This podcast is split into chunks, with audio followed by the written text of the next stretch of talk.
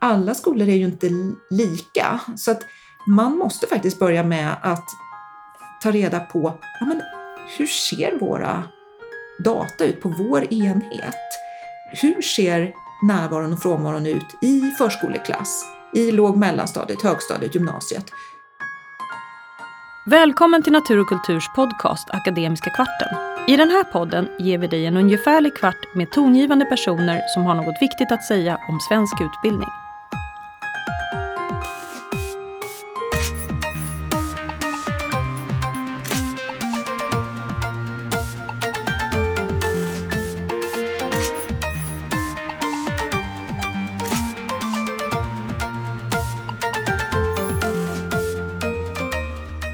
Jag heter Niklas Gårdfeldt Livi och är förläggare på Natur och kultur. I det här avsnittet träffar jag Malin Gren Landell, författare till boken Främja närvaro.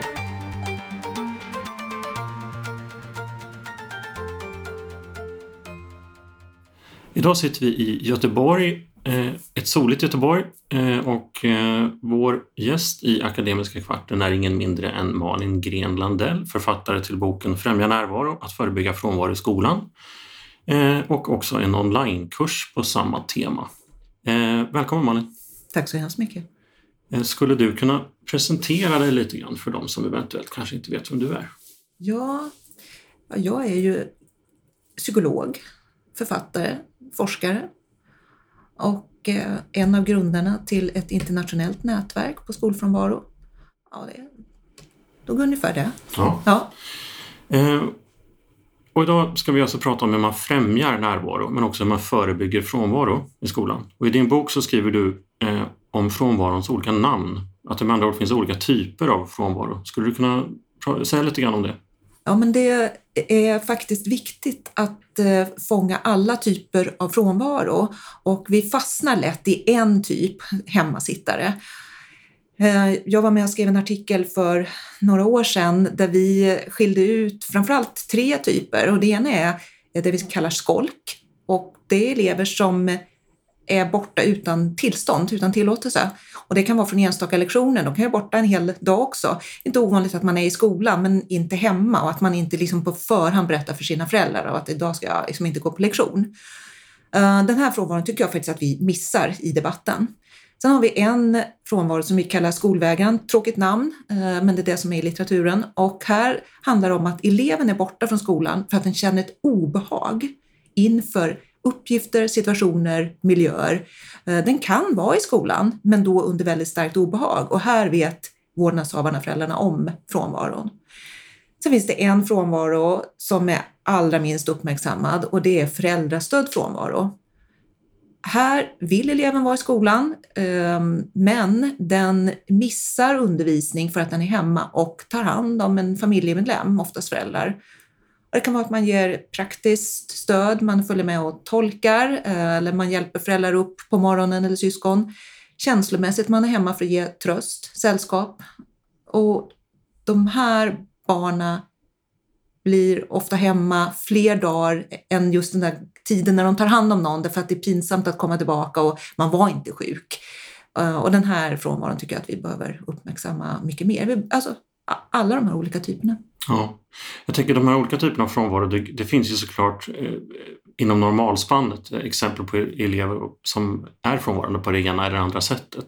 Så att frågan som jag ställer mig då, det blir när blir en elevs frånvaro ett problem? Mm vi kan inte ge ett säkert svar. I många amerikanska stater och andra länder så pratar man om 10 till 15 procents frånvaro på en termin, ett läsår, som en tipping point.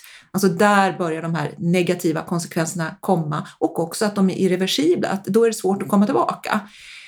Um, I Sverige har vi inte någon sån cut-off riktigt, men egentligen kan man säga att men, all frånvaro innebär en risk för att bli, ge problem för eleven, så vi behöver vara på tårna liksom direkt när vi börjar se ett upprepat mönster av frånvaro. Så. Mm. Men sen ser det olika ut vad man har för också skyddsfaktorer, så därför är det svårt att ge en, liksom en, bara en skarp linje att då blir frånvaro ett problem för varje elev, utan man måste se hela eleven och det finns ju elever som kan vara borta en del utan att det ställer till det för dem också, mm. om vi ska vara ärliga.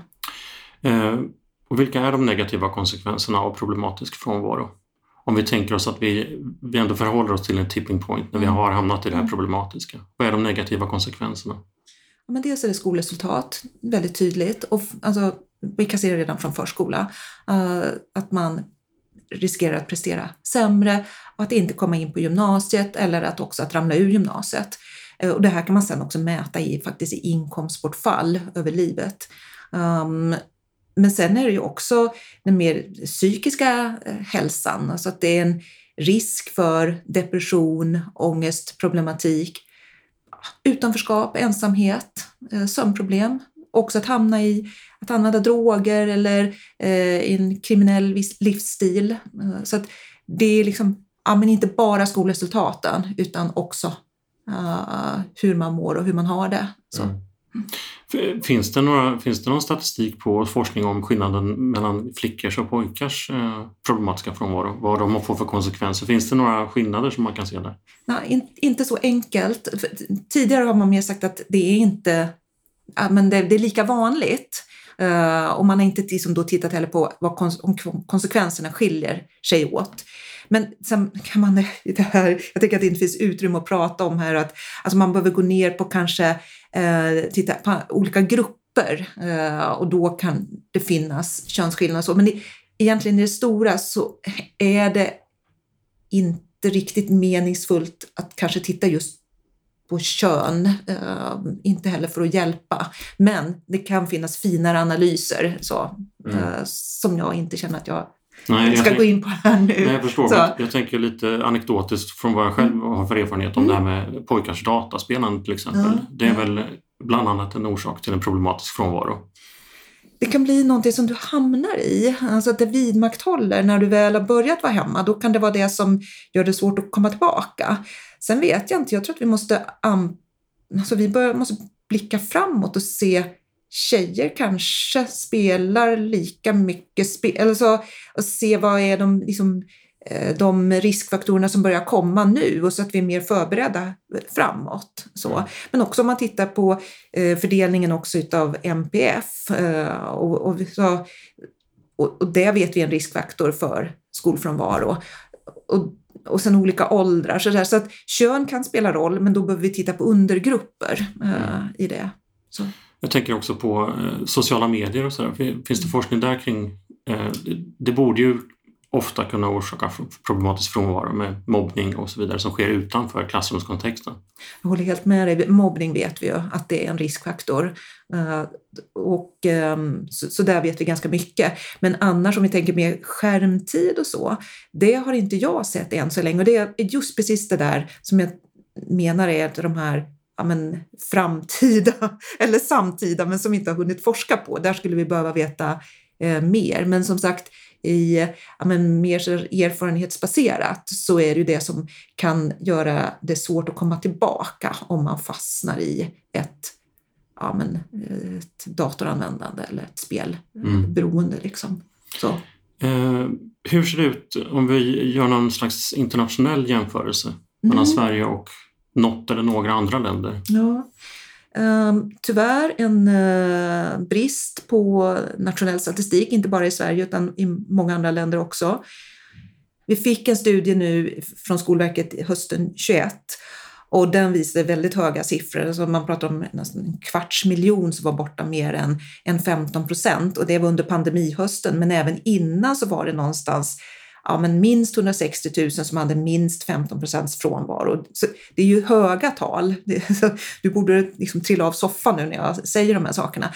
Men och då, eftersom vi mäter på olika sätt i olika länder så går det inte riktigt att säga eh, om Sverige ligger högre, även om jag ibland faktiskt tycker att det ser ut som det är när jag tittar på de här Skolverkets siffror. Då. Mm. Eh, vi behöver, och jag hoppas nu att vi ska få nationell statistik. Det var ett av mina förslag i min statliga utredning och Skolverket har utrett det, eh, kom med sitt svar i nu i december 21 och jag hoppas att vi kommer att få det regelbundet i Sverige för då kommer jag kunna svara bättre på din fråga och också att vi börjar mäta lite mer på samma sätt med samma kartoff och gränsvärden och, mm. och sådär mellan länder. Men man kan inte, man kan inte säga till exempel att, ja, att Finland inte har någon eh, problem med frånvaro. Uh, och både, alltså, vare sig Norge eller Finland har statistik, till exempel Danmark har nationell statistik, ligger, verkar ligga lite lägre än oss, men de säger också att vi vet inte riktigt om våra siffror stämmer och, och sådär. Så att, mm, lite knixigt att svara på. Mm. Um, men om, om det här vore den vuxna befolkningen mm. och den ar, de arbetande människorna i landet som mm. var, hade den här frånvaron, då skulle det ju då skulle det ha skett något slags uppvaknande, eller då hade ju ramaskriet kommit. Ja, ja. Vad, vad, vad, vad, tror du det beror på att vi inte tar frågan på större allvar? Det är en stor och komplex fråga förstår jag att svara på. Men...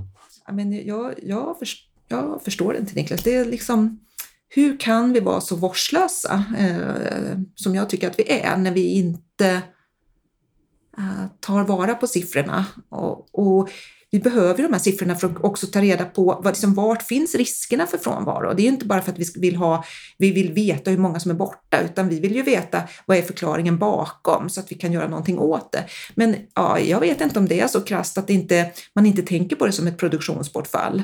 Men, det, men som sagt, det finns ju siffror på vad det betyder. Alltså att 2 till 3 procents liksom ökning av in, livsinkomsten om man fullgör varje skolår som man fullgör. Eh, och också eh, man har räknat på att ja, men frånvaron under pandemin i grundskolan, den kanske, det är en väldigt grov skattning, eh, men kanske 5,9 miljarder i liksom, eh, produktionsbortfall av just bara frånvaron under den här tiden. Mm. Så, så, det är liksom då, om vi tittar på det på det sättet, då skulle det vara lika viktigt eh, att se på elevers frånvaro som på vuxnas arbetsfrånvaro. Liksom. Mm.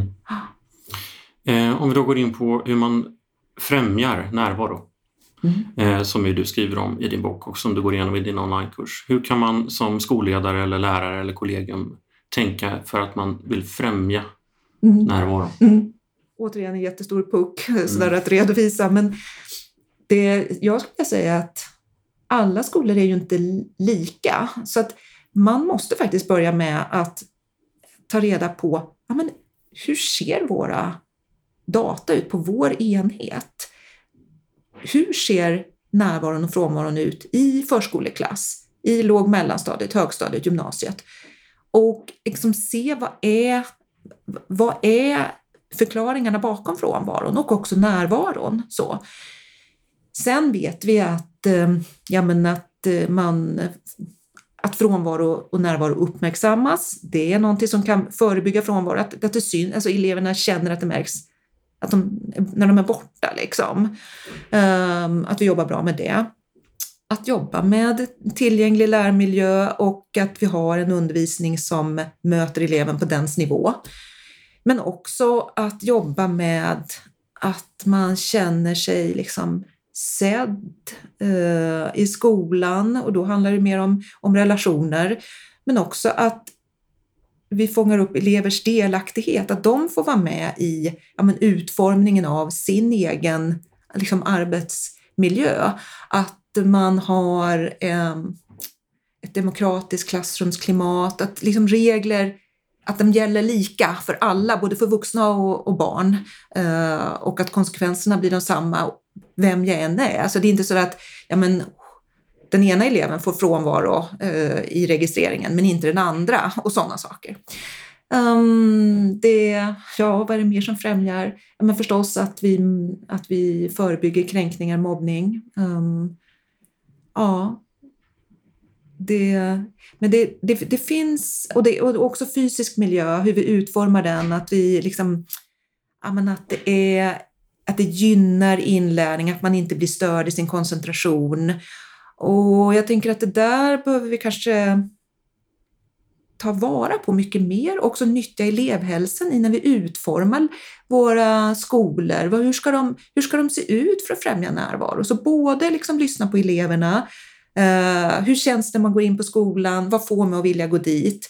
Och också använda oss av elevhälsans kompetens i men hur är det med ljud, ljus, ventilation. Eh, och det där tror jag kanske att vi inte riktigt har funderat så mycket på, men där har vi ju forskning så att vi kan luta oss tillbaka på det. Men så kombinera eh, de forskningssammanställningar som finns på fysisk, pedagogisk och social miljö, men se, okej, okay, hos oss då? Mm. Vad är riskfaktorerna på vår enhet? Jag tänker när jag lyssnar på dig att borde vi inte se frånvaro och närvarofrågan snarare som en del av skolans demokratiuppdrag jo. än kunskapsuppdrag. Kunskapsuppdraget blir ju underordnat demokratiuppdraget. Ja. Vi dömer ju barn och unga till utanförskap och sämre livschanser ja. om vi inte tar det på större allvar. Ja, men det är en intressant tanke. att uh, Jag tror att just nu, också, kanske ännu mer nu, att unga får känna framtidstro genom att bli lyssnade på. Så att jag tror att det skulle kunna fånga upp mycket om vi, om vi liksom flippade åt, åt det som du säger, att tänka på, på demokratiuppdraget helt enkelt.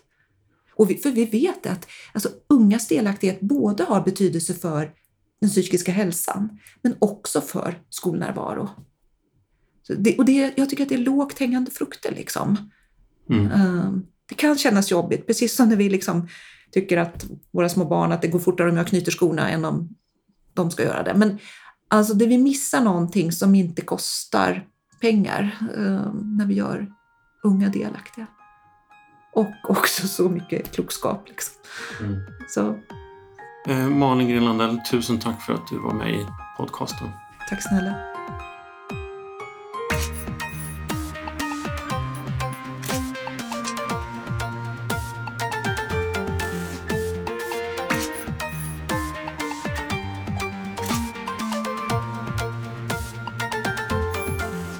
Varje gång du väljer förlaget Natur och kultur är du med och bidrar till något större. Vi är en oberoende stiftelse som ska göra skillnad i samhället. Förutom att inspirera till läsande och lärande stärker vi röster i det demokratiska samtalet genom priser, stipendier och stöd. Vi ger ordet till fler.